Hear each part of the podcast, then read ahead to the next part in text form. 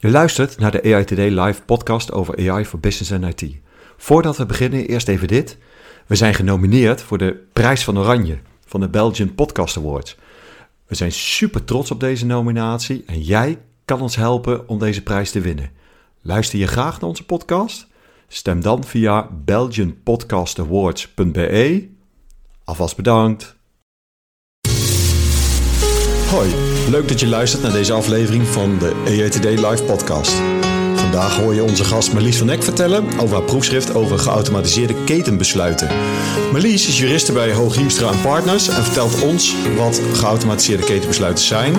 Nog belangrijker, wat dit betekent voor het ontwerpen en bouwen van AI-systemen. Je luistert nu het tweede deel van het gesprek met Marlies. Heb je het eerste deel gemist? De link staat in de beschrijving van de podcast. Mijn naam is Joop Snijder. Ik ben hoofd van het Infosport Research Center AI. En samen met mijn collega Niels Naglee, Chapter Lead Data AI, duiken wij in iedere aflevering in de wereld van professionele AI. Um, ja, even, even terugpakken inderdaad. Eh, we hadden het punt over uh, als het bij een individu gaat, uh, dat dan inderdaad weer de samenwerking weer even allemaal de handen vanaf trekt en gaat wijzen. Ja. Um, en ja, dat is, dat is ook een beetje het fenomeen van gedeelde verantwoordelijkheid is eigenlijk geen verantwoordelijkheid. Wie is nou daadwerkelijk aansprakelijk? En volgens mij is dat heel lastig om vast te stellen. Wie is nou aansprakelijk voor welk stukje als er een keten is? Ja, en ik ben soms ook wel eens bang dat dat ook het aantrekkelijke is van werken in een keten. Oh ja, dat zou zonde zijn als dat het is, inderdaad. Ja. Oh ja. Zo had ik er nog niet naar gekeken. Ja. ik zei laatst ook, nou doe maar gewoon maar een keten. Want dan uh, kun je altijd zeggen, er zijn ook echt geweldige debatten in de Tweede Kamer geweest, waarbij de keten ook letterlijk, zeg maar, zo werd gepresenteerd. Dus dan had je Wekers bij de Bulgarenfraude, die natuurlijk moest vertellen al wat vreselijk wat bij de Belastingdienst is gebeurd. Maar ik heb hier natuurlijk verder helemaal geen invloed op gehad, want dat heeft te maken met al die gemeenten. Die hebben al die mensen ingeschreven in de basisregistratie personen. En toen kwam uh, daar dan weer uh, de minister voor uh, naar, naar, naar boven. En uiteindelijk stonden ze met z'n drieën, want er was ook nog iemand van het Openbaar Ministerie om te kijken of er ook nog strafrechtelijk iets moest gebeuren. Nou, had je drie ministers, ja, Kamer was ja. natuurlijk nog geen schijn van kans. Ja, dat is ideaal. Mooie, ja, dat is een mooi voorbeeld inderdaad. In de wetgeving, is, is het mogelijk om zo'n ketenverantwoordelijkheid dan eigenlijk ergens te beleggen? Of is dat heel lastig? Nou ja, het punt, het punt is eigenlijk dat je, je zou willen dat je een soort ketenaansprakelijkheid heeft. Zoals je ook in de bouw hebt. Hè? Dat, dat, dat, ik laat wat mijn huis bouwen en, en wat dan de aannemer uitspookt met mensen die die daar laat werken, is officieel niet mijn probleem. Juridisch gezien kan ik gewoon naar die aannemer. Dat is ook met allerlei producten. Uh, dus ik ga naar de mediamarkt en ik koop daar een televisie. En dan mogen zij niet zeggen, ja, ga maar naar Philips als de televisie niet doet. Dat is allemaal wettelijk geregeld. Dat soort processen zou je hier eigenlijk ook willen. Dat ja. het niet. En officieel is dat ook de voorgang van de AVG. Dan had je al de wet persoonsgegevens. Daar stond ook al heel duidelijk in. Het is niet het probleem van de burger als er iets fout gaat in de, in de keten. Die mag je tot alle instanties wenden. En zij zorgen ervoor dat het overal wordt Dus het zijn ook geen nieuwe concepten, alleen het wordt nog uh, helemaal niet uitgevoerd. Nee. Nee, ik heb, uh, ja, dit is, dit is, wat, wat, mij ook wel opvalt is dat uh, uh, zelfs bij het product, als je het hebt over een, een systeem met machine learning, artificial intelligence, dat, dat daar al niet eens, uh, zeker als het de publieke ruimte inkomt, dat er verplichtingen zijn, zeg maar, dat het getoetst is, dat het in ieder geval al goed werkt. Dat vind ik eigenlijk al vreemd. dus je laat het over aan de, aan de bouwer, de ontwerper. Uh, om het zo goed mogelijk te doen. Uh, maar als je kijkt naar, naar allerlei. Jij, jij, noemde net gewoon heel simpel een lamp. Een lamp moet natuurlijk van alles. Uh, voordat jij een lamp op de markt brengt.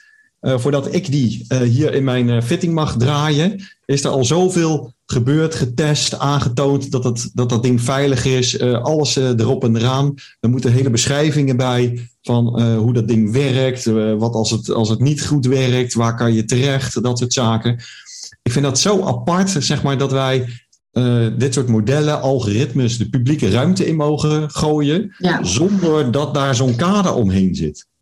Helemaal eens. Ik zeg heel vaak, je kan echt beter dit gaan doen dan bijvoorbeeld een frietkraam beginnen.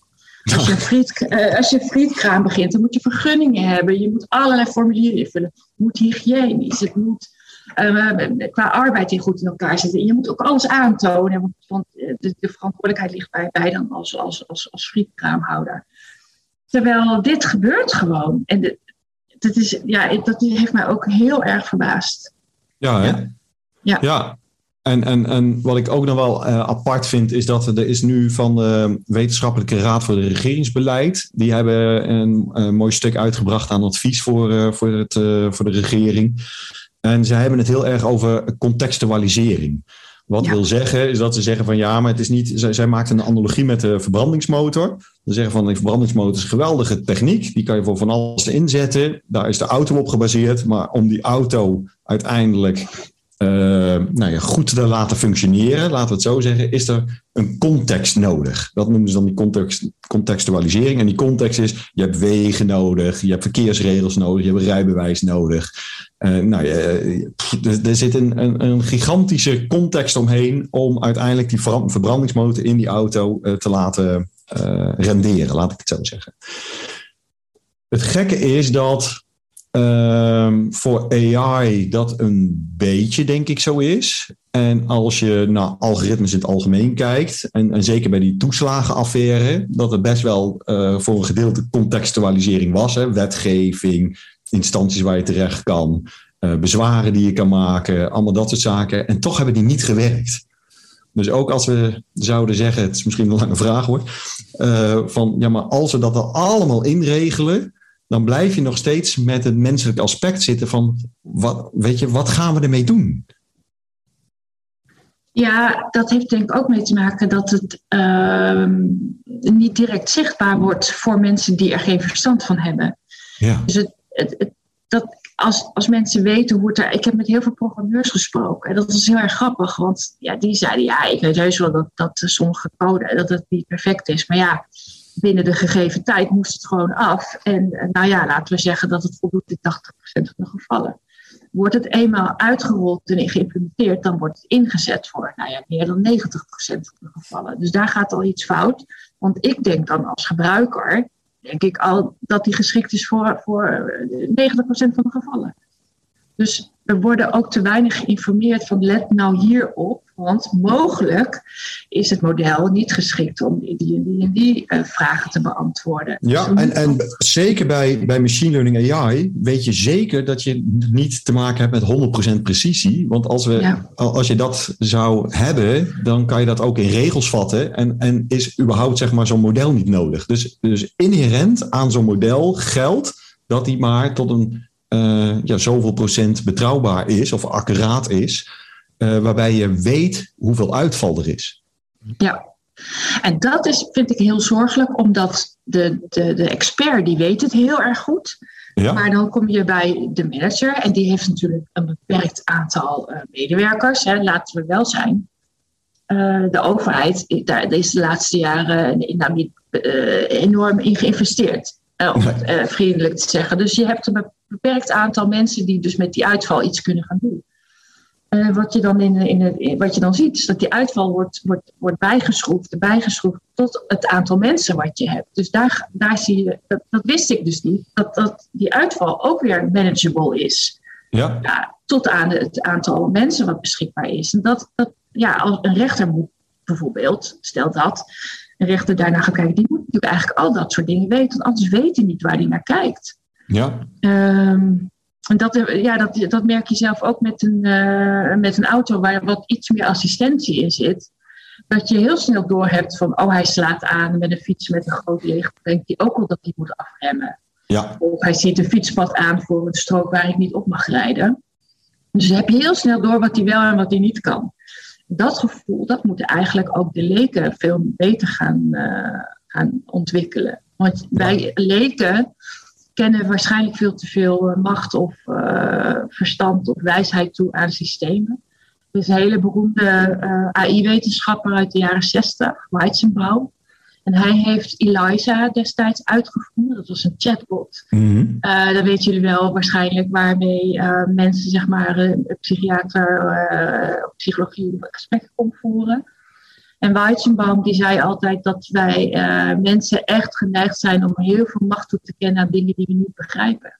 Ja. En, uh, en hij zei, je moet echt uh, eigenlijk weer naar gaan kijken zoals je naar een illusionist kijkt. Dat je voortdurend probeert te betrappen op een trucje. Ja. Ja. Maar niet gaan achteruit zitten en kijken van wat, wat, wat een bovennatuurlijke uh, machten is hier aan het werk.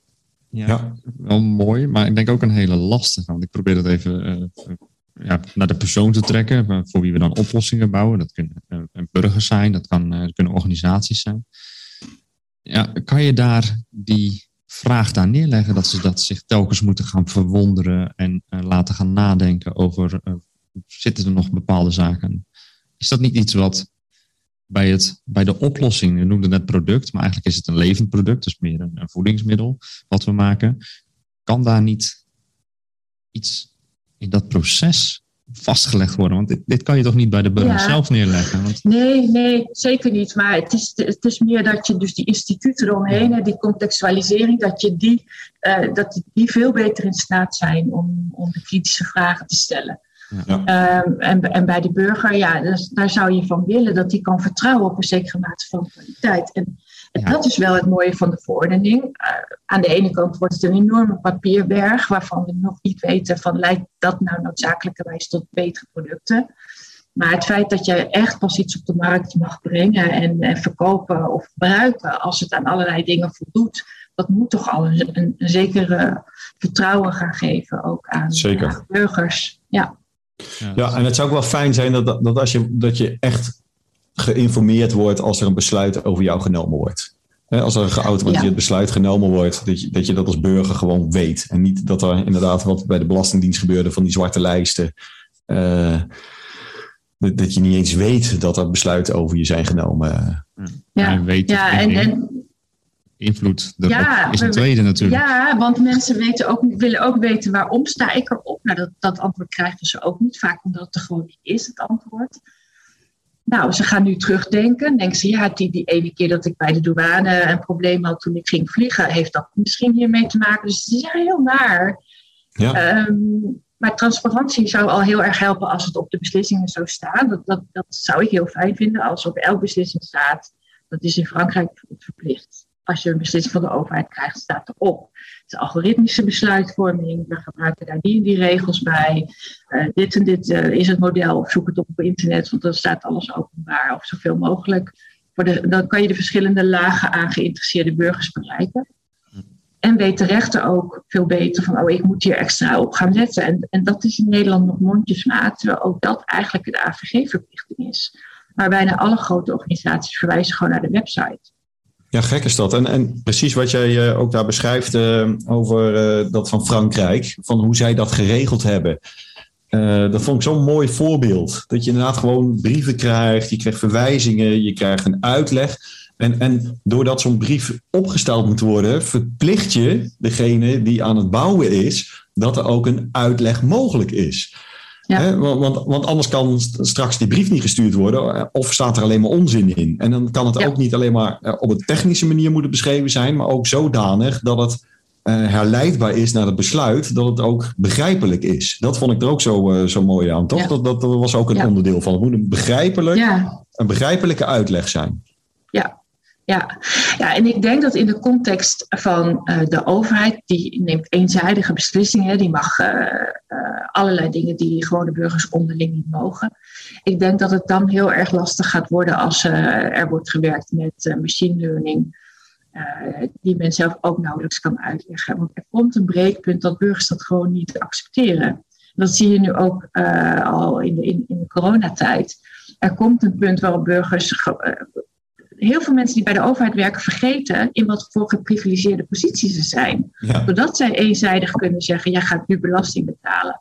Jij krijgt geen, uh, uh, je krijgt geen uitstel van betaling. Dat is een machtsverhouding. Ja. Dat, dat, dat vergeten ze. Maar die machtsverhouding die betekent ook dat die heel breekbaar is. Vertrouwen in een, bijvoorbeeld de Belastingdienst is enorm afgenomen. Is nu veel lager dan een jaar of twee geleden. Op een gegeven moment kan je wel denken van ja, maar met machine learning worden misschien veel betere beslissingen genomen, uh, misschien ook eerlijker. Maar als je dus niet echt aan iemand kan vertellen: u krijgt deze boete, want u heeft een vuilniszak verkeerd geparkeerd. Maar een beslissing als: nou ja, het systeem heeft vuilniszak gedetecteerd. De kans is aanmerkelijk dat die van u was. Of we weten eigenlijk niet waarom Ja. het systeem u een boete oplegt. Dat, dat, dat wordt Ja, dat echt laatste, een hele vervelende dat, dat- verhouding. ja, dat laatste, dat kan sowieso niet. En wat wij, kijk, wij hebben vorig seizoen hebben wij heel veel aandacht besteed aan explainable AI en interpretable AI. En wat je ziet is dat deze behoefte van het uitleggen van, eh, van uitkomsten van modellen, eh, dat die steeds groter wordt. Daar wordt gelukkig ook heel veel onderzoek in gedaan. Dat doen we zelf ook eh, aan mee, aan dat soort onderzoeken. Eh, waarbij, je, waarbij je echt ziet van dat, dat je niet alleen maar een technische uitleg kan geven. Hè, dat je zegt van ja, maar op basis van eh, deze en deze technische gegevens komt, komt er dit technisch besluit uit. Maar dat je terug moet naar een dusdanig niveau dat of eh, eh, de burger dat kan snappen, maar dat kan, zou ook bijvoorbeeld een, een auditor moeten kunnen zijn die daar op een andere manier naar kijkt. Er zijn op, op allerlei niveaus moet je die uitleg kunnen geven. En als je dat niet kan, ja, dan moet je heel goed nadenken of je het eh, wel wil inzetten. Waarbij ik denk dat je heel snel de keuze moet maken om het dan niet in te zetten. Als het niet uitlegbaar is en het heeft wel invloed op de levenssfeer van mensen, eh, moet je het niet inzetten. Ja. Ja, en ik, ik, nou ja, je zou ook nog kunnen voorstellen dat in een medische setting bijvoorbeeld mensen op een gegeven moment zo'n eh, heftige diagnoses hebben gekregen met zo weinig vooruitzicht dat je zelf kiest van nou, als dit het model aangeeft dat dit een, een methode zou kunnen zijn voor mij, dan neem ik, eh, dan neem ik eh, die gok. Maar Ja. dat zijn echt van die, eh, dan ga je echt met elkaar beslissingen Ja. afwegen en, en heel wel geïnformeerd. En, Nou, en dan is het ook, dan is het ook geen geautomatiseerde beslissing. Hè? Dus dan, nee, nee. Ik, dat is wel een mooie die je aanhaalt, want ik vind wel een heel groot verschil. Krijg je een advies uit het model wat je meeweegt. En daar heb je eh, meer, denk ik, ruimte in, eh, eh, in, in beperkte uitleg en dat soort zaken. Of is het een geautomatiseerd besluit? En, en daar moet het echt heel helder zijn. Waar is het op gebaseerd? Hoe zou je ook het besluit zeg maar, kunnen beïnvloeden? Daar, daar komen heel veel aspecten bij kijken. Als het een advies is, dan, dan ja, daar kan je zelf als mens nog van allerlei dingen meewegen. Eh, en, en wordt het dan ook zeg maar, jouw besluit? Hè? Dan moet jij ook je besluit Ja. kunnen, kunnen uitleggen. Ja, en dan heeft het, kan het een enorme toegevoegde waarde hebben, eh, die, eh, de machine learning, zeg maar. Ja, Ja. ja. Nou, leuk. Hey, eh, poeh, we hebben Ja. denk ik een hoop besproken zo. Hè? Ik, ik had ook echt een, heel, eh, een hele lijst, maar ik denk dat we daar best wel een hele hoop van... eh, van oh ja, ik had, er nog, ik had nog wel één, eh, één vraag. Ja, hadden, je hebt het in, het in je proefschrift heel veel over good administration. Ja. Eh, kan je uitleggen wat, wat dat is en wat we daarmee moeten? Ja.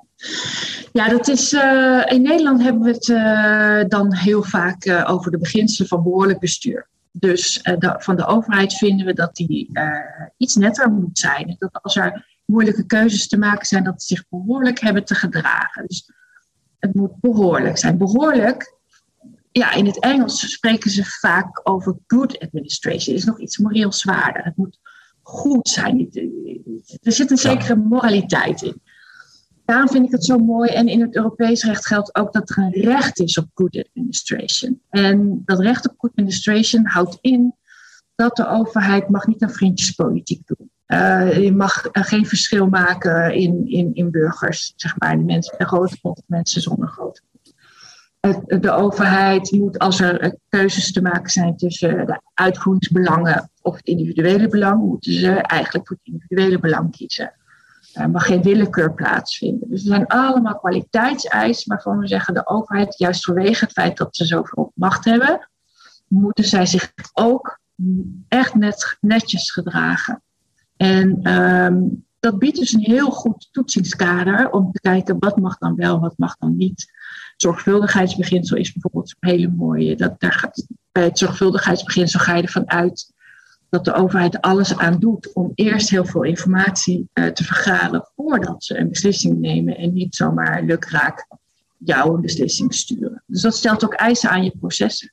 En een andere hele belangrijke die nu heel erg in het nieuws is, ik heb net gemist, uh, want er is vandaag een hele belangrijke uitspraak over. Dat realiseer ik me nu ineens. Ik denk om twee uur is die bekend Maar dat is het evenredigheidsbeginsel. En dat is iets dat wel in verhouding moet staan. De ernst van wat je hebt geconstateerd moet in verhouding staan tot de beslissing die je neemt. En met name die evenredigheid, dat zag je in de toeslagenaffaire, dat is natuurlijk volkomen weg. Ja. Zeker als je nagaat dat het ook allerlei doorwerkingen had in mensen hun leven, buiten toeslagen. Ja. En daar moet de organisatie zich veel bewuster van zijn. Dus die evenredigheid uh, is ook een heel erg belangrijk, mooie invulling van ja, een beetje zo'n ruime norm van good administration. Ja. ja. En betekent, betekent dat een uh, bouwen van systemen hier ook nog iets mee moet? Of is dat e-, echt wel iets. Uh... Ja, um, het leukste zou natuurlijk zijn uh, als we Denemarken dan weer volgen. Denemarken die heeft de verplichting om niet alleen een DPIA te maken, maar je maakt echt een impact assessment op de beginselen van behoorlijk bestuur. En pas als je die hebt doorstaan, dan mag je je systeem gaan bouwen. En dus daar zit een heel mechanisme in ook van dat dus al dit soort afwegingen van wat ben je aan het doen, heb je wel een wettelijke titel om dat te doen of is het gewoon dat je aan het hobbyen bent? Ga je erover? Eh, dat, dat, zien we ook bij overheden, die gaan eigenlijk helemaal daar niet over. Uh, dus een burgemeester die bijvoorbeeld uh, iemand een online ehm, heb je dat gezien? De burgemeester die gaf iemand een online uh, straatverbod. Die mocht niet meer uh, oh. Ja, ja, daar gaat de burgemeester helemaal niet nee. Nou ja, ga je erover? Uh, wat zijn je bevoegdheden? En, en, hoe vul je die in? Ga je daar netjes mee om? Prudent? Ga je meteen ja. er, erop in? Of ga je gelaagd? Hè, zeg, ga je eerst waarschuwen? En, hè, zoals, het, zoals het dan ook bij de, bij de opvoeding van je hond of zo gaat. Of ja ben je juist heel erg zo van in de harde lijn. Dat, al die afwegingen, die zitten dan in zo'n impact assessment. Oh ja, en, en ze hebben in eh, Denemarken dan ook een instituut die dat dan toetst? Ja, het, het is een, ze hebben daar ook een ombudsman. Uh, De ombudsman heeft daar meer bevoegdheden dan in Nederland, want, maar daar procederen ze weer veel minder bij de rechter. En de ombudsman heeft dit als nieuw beginsel ingevoerd. En dat ah, wordt goed, getoetst. Ja. ja. ja wat, wat, wat eruit gaat vloeien uh, uit zoiets inderdaad. Ja, ja. ja. Uh, en uh, in je proefschriften stel je ook heel veel ehm, vragen op. Hè? Even uit mijn hoofd geloof ik iets van 47 vragen rondom die good administration. ik denk dat wij in ieder geval in Nederland dat zouden kunnen gebruiken om eens door te nemen als je aan dit soort systemen bouwt. Om eens naar die vragen van jou te kijken. want ik denk dat die heel veel prikkelen en triggeren uh, van waar je misschien nog nooit aan gedacht hebt. Dus dat, uh, dat, dat, heb ik er in ieder geval ook uitgehaald. Ik denk van nou, dat neem ik wel mee uh, bij, bij het volgende om eens daar eens goed naar te kijken. Ja, hartstikke leuk. Mooi. Ja. En Niels, heb jij nog, jij nog vragen? We hadden ja. afgesproken hè, van ik zou een beetje de. de, de meeste, de, je had zo'n mooie vragenlijst staan, inderdaad. Nee, ja, eigenlijk zijn er heel veel herkenningspunten eigenlijk. Uh, naar, ook naar de eerdere podcast die we opgenomen over responsible AI, dat wij dat gewoon willen uiten, dat we staan voor kwaliteit. Uh, maar daar staan we niet alleen voor, daar kan je als één partij voor staan. Uh, maar het belangrijke is inderdaad dat we met z'n allen en de ketens daarvoor gaan staan. En hopelijk door dat te prediken en dit in de podcast te bespreken, ook dit soort onderwerpen te behandelen, hoop ik dat we met z'n allen dit steeds meer gaan inzien. Het belang van governance, het belang van kwaliteit en, en dat verantwoordelijkheidsgevoel en met name verantwoordelijkheidsgevoel over welk impact maak je. Uh, komt, vind ik hier heel erg mooi naar voren. Uh, dat we dat steeds meer gaan, uh, gaan ademen als, als BV Nederland. Ja, en om dat er dan af te sluiten. Van, kijk, wij, wij, staan, wij zijn denk ik heel erg bezig, vooral in de podcast, maar ook, ook wat, wat Niels zegt, om uit te dragen van, je bent niet zomaar even een ontwikkelaar van, weet je, je draait een model in elkaar. Uh, dat lijkt te werken. Hè. Dan krijg je hele mooie technische gegevens uit. Zeggen van nou, de, de betrouwbaarheid is zo hoog. Uh, hup, ik, uh, we, gooien het, we gooien het maar live. Dus Marlies, heel erg bedankt ja. dat je onze gast wilde zijn. wij hebben er veel van geleerd, denk ik, als ik ook van Niels spreek. het was een eer. Ik hoop dat je het leuk vond. Ja, hartstikke leuk. Leuk om nog een keer verder over te praten ja, laten we dat, uh, die optie in ieder geval open houden. Zou ik heel erg leuk vinden. Heel hartelijk dank. En nou, aan de luisteraars, als je vragen hebt over dit onderwerp, heel graag. En attendeer collega's van je op de podcast. En dan tot de volgende keer. Marlies, dankjewel. Dankjewel. Yes. Uh, jullie bedankt. En uh, het is echt wel leuk om een keer uh, te kijken of we iets gezamenlijks kunnen doen. Ja, zeker. Zoveel mooie raakvlak ja. inderdaad. Ja. ja. Ja. Nou, hartstikke goed. Houden de contact. Oké, okay, doei, doei. doei. Bedankt weer voor het luisteren. De volgende aflevering is weer een bite-size aflevering. Ik hoop dat je dan weer luistert. Vind je het leuk deze podcast? Deel hem dan graag met collega's of anderen. Abonneer je in je favoriete podcast app. En in Spotify kan je ons tegenwoordig een beoordeling geven. Zouden we super cool vinden. Dankjewel.